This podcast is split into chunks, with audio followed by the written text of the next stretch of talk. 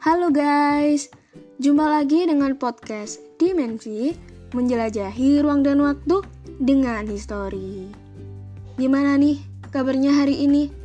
Masih dalam situasi pandemi, semoga tetap sehat selalu ya. Nggak kerasa loh, udah 8 bulan sejak pandemi melanda negeri. Udah lama banget ya. Ya, kita jangan lupa tetap patuhi protokol kesehatan dan berdoa semoga pandemi segera berhenti agar kita bisa berjumpa kembali dengan orang-orang terkasih. Ngomong-ngomong tentang pandemi nih, tahu nggak sih? Pandemi yang sekarang sedang melanda negeri ini bukanlah pandemi yang pertama. Di masa lalu, pandemi juga pernah melanda Nusantara. Wah, gimana ya? Pengen tahu? Penasaran? Yuk, dengerin sampai akhir. Sejarah pandemi di Nusantara dapat kita lihat dari naskah calon arang. Mungkin teman-teman udah nggak asing lagi nih dengan cerita tentang calon arang. Ya, legenda tentang calon arang kerap diangkat menjadi cerita pada film dan juga drama. Mengisahkan tentang wabah penyakit pada masa kerajaan Airlangga.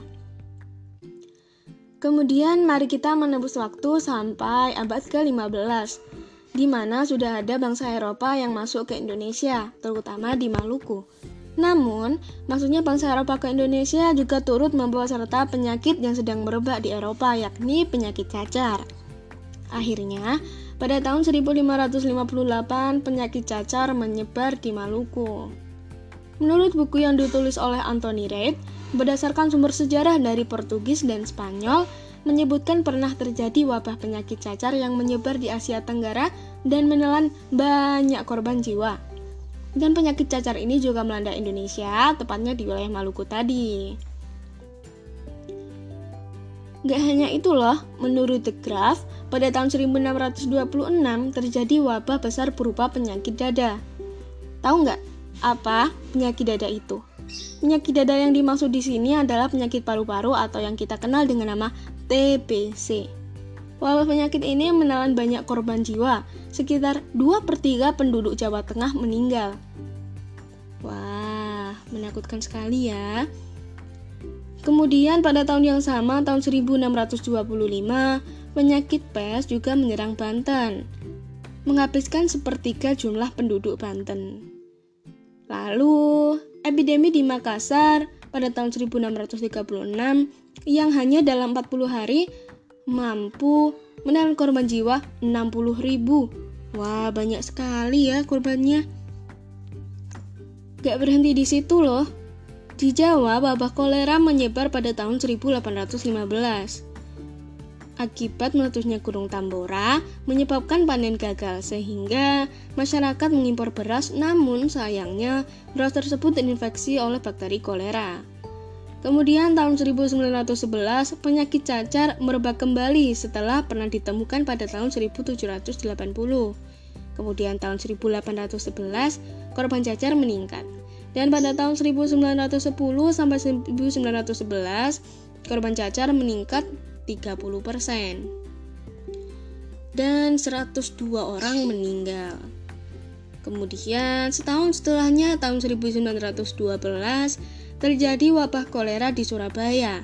Diakibatkan oleh sanitasi yang buruk berawal dari daerah kumuh di bantaran Kalimas, Kali Genteng, dan Kali Kerambangan, menyebabkan 4.230 jiwa meninggal dunia.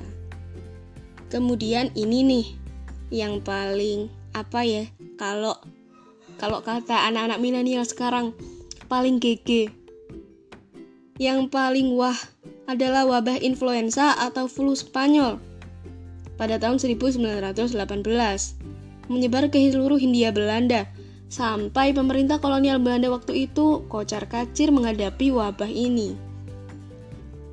Menurut laporan dari Bukerlichen Kineskundingen atau BGD, hampir seluruh wilayah Hindia Belanda terserang wabah influenza atau flu Spanyol. Akibatnya menelan banyak korban jiwa dan juga tentunya banyak kerugian. Nggak berhenti di sini loh teman-teman. Wabah dan pandemi terjadi lagi dan lagi. Lalu apa yang dapat kita ambil? Seharusnya dengan pandemi yang pernah terjadi di Nusantara ini dapat kita jadikan sebagai pelajaran. Sejarah telah mengajarkan kita agar sesuatu yang buruk tidak terulang kembali di masa depan. Dengan sejarah, kenali sejarahnya, lawan virusnya. Sekian podcast hari ini, nantikan podcast selanjutnya. Terima kasih, sampai jumpa.